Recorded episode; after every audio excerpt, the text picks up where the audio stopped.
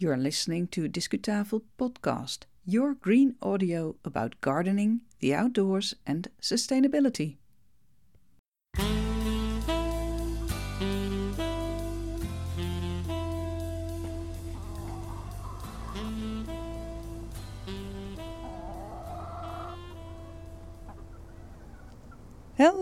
These are my chickens in my summer garden in the Netherlands, and this is Ivonne Smit speaking to you in episode 143 of Discutafel podcast.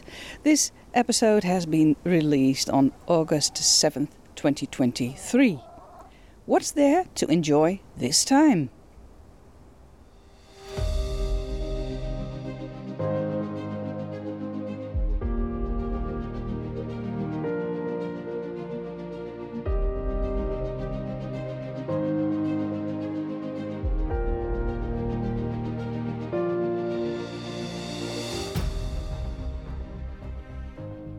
This episode of your Discutafel podcast is one part of a rather extensive series around gardens in Canada.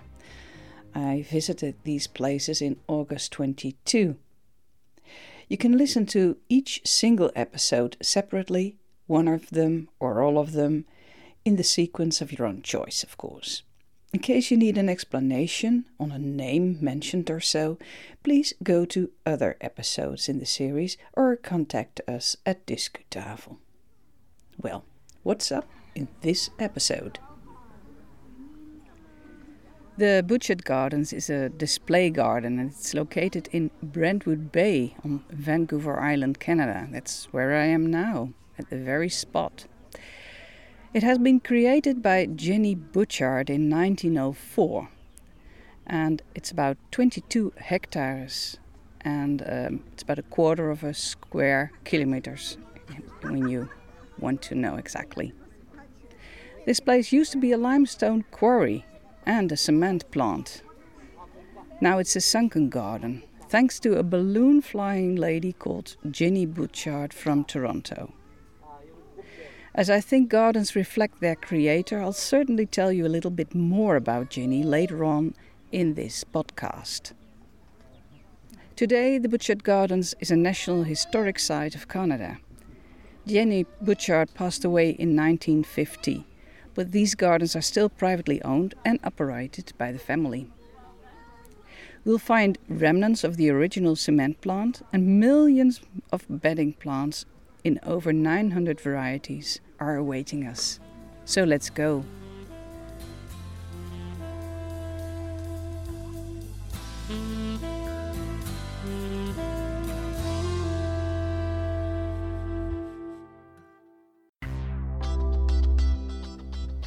Discu coverage. So let's go and descend now into the pit, the former quarry steps are leading towards the bottom of the sunken garden.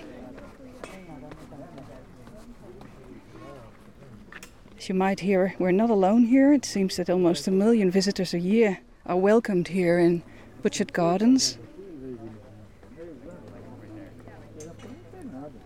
And as we lower down, we get a better view on the flower beds orange, purple, red colors all around, very neatly managed. Above our heads, the aeroplanes. I tried to avoid them by when recording this coverage, but it seems to be impossible. But as I look up, I also see some birds of prey circling in the air above the quarry.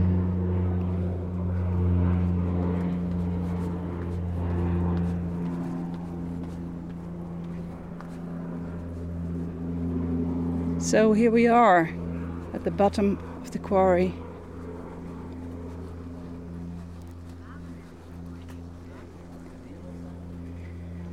Between the flower beds, neatly um, mowed lawn, and I also see a lizard there in the sunshine, bathing in the sunshine. Two of them, gr two green ones. Hello there. Are you living here? That's a nice place to live.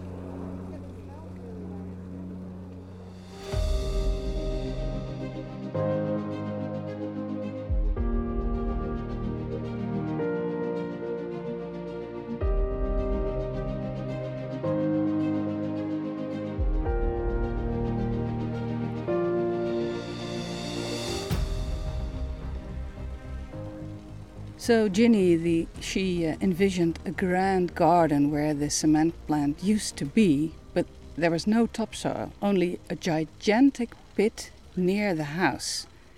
And I'm standing there now in this gigantic pit.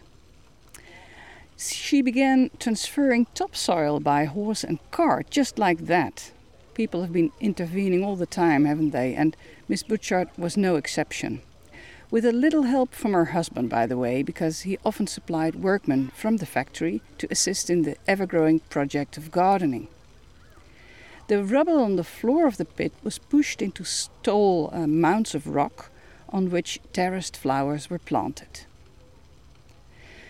Miss Butchart solved the problem of the grim grey quarry walls by dangling over in a bosun's chair. For Dutch listeners, a bosun's chair is a boatsman's stoeltje, like the one sailors used to work safely high above the ship in the mast.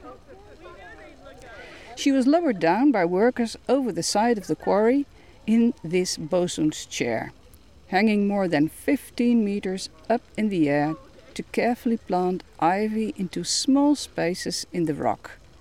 She was an adventurous lady indeed. Well, nowadays, we see this sunken garden with green cloaked walls of the original quarry. It has 151 flower beds and about 65,000 bulbs planted for spring.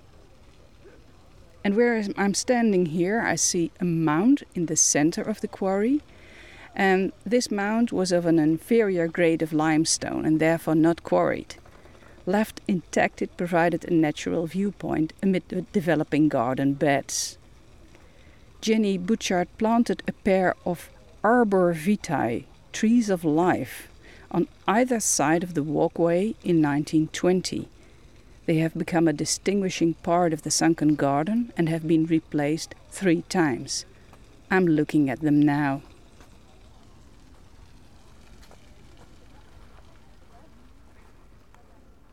As we walk on the bottom of the sunken garden, we notice that flower beds usually have two kinds of flowers in each bed, two kinds of plants, as if to say that the um, time when there's something flowering in this flower bed is being prolonged.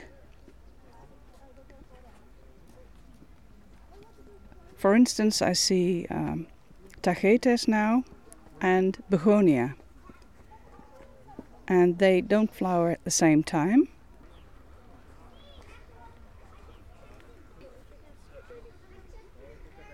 And when it's not about the flowering time, it's about the the color of the foliage, which gives a nice contrast.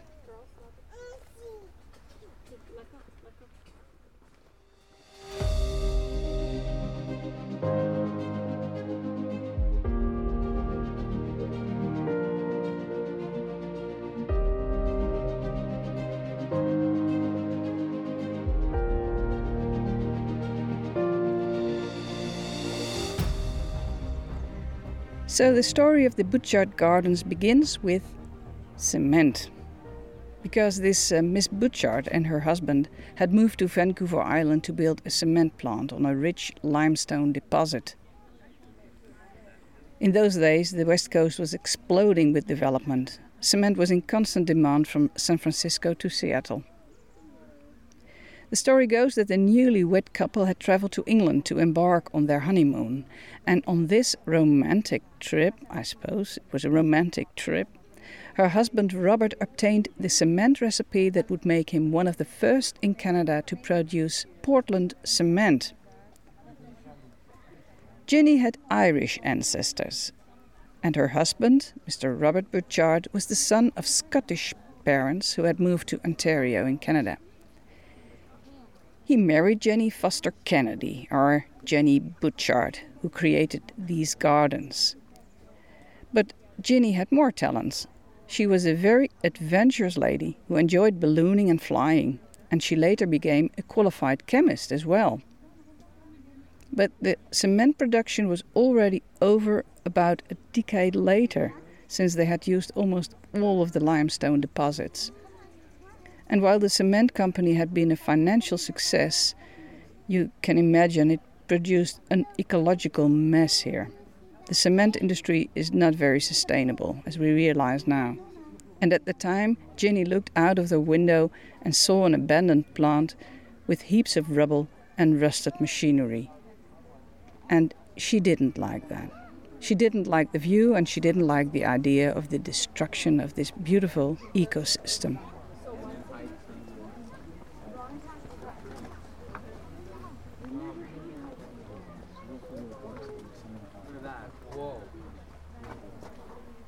Well, we're leaving Butchart's Gardens for now, but don't worry.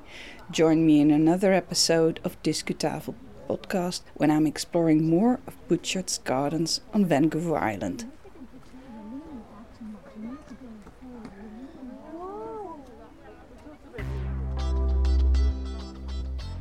Discu finish. Getting interested to, to know more about my adventures in uh, Canada with gardens, I suggest go to our episode list, our podcast episode list, and you'll find it on your uh, playlist on the streaming service you're using or on your podcast app. Depending on the date you hear this show, you will find one or more episodes on Canada. We also publish blogs on the subject on our website discutafel.nl.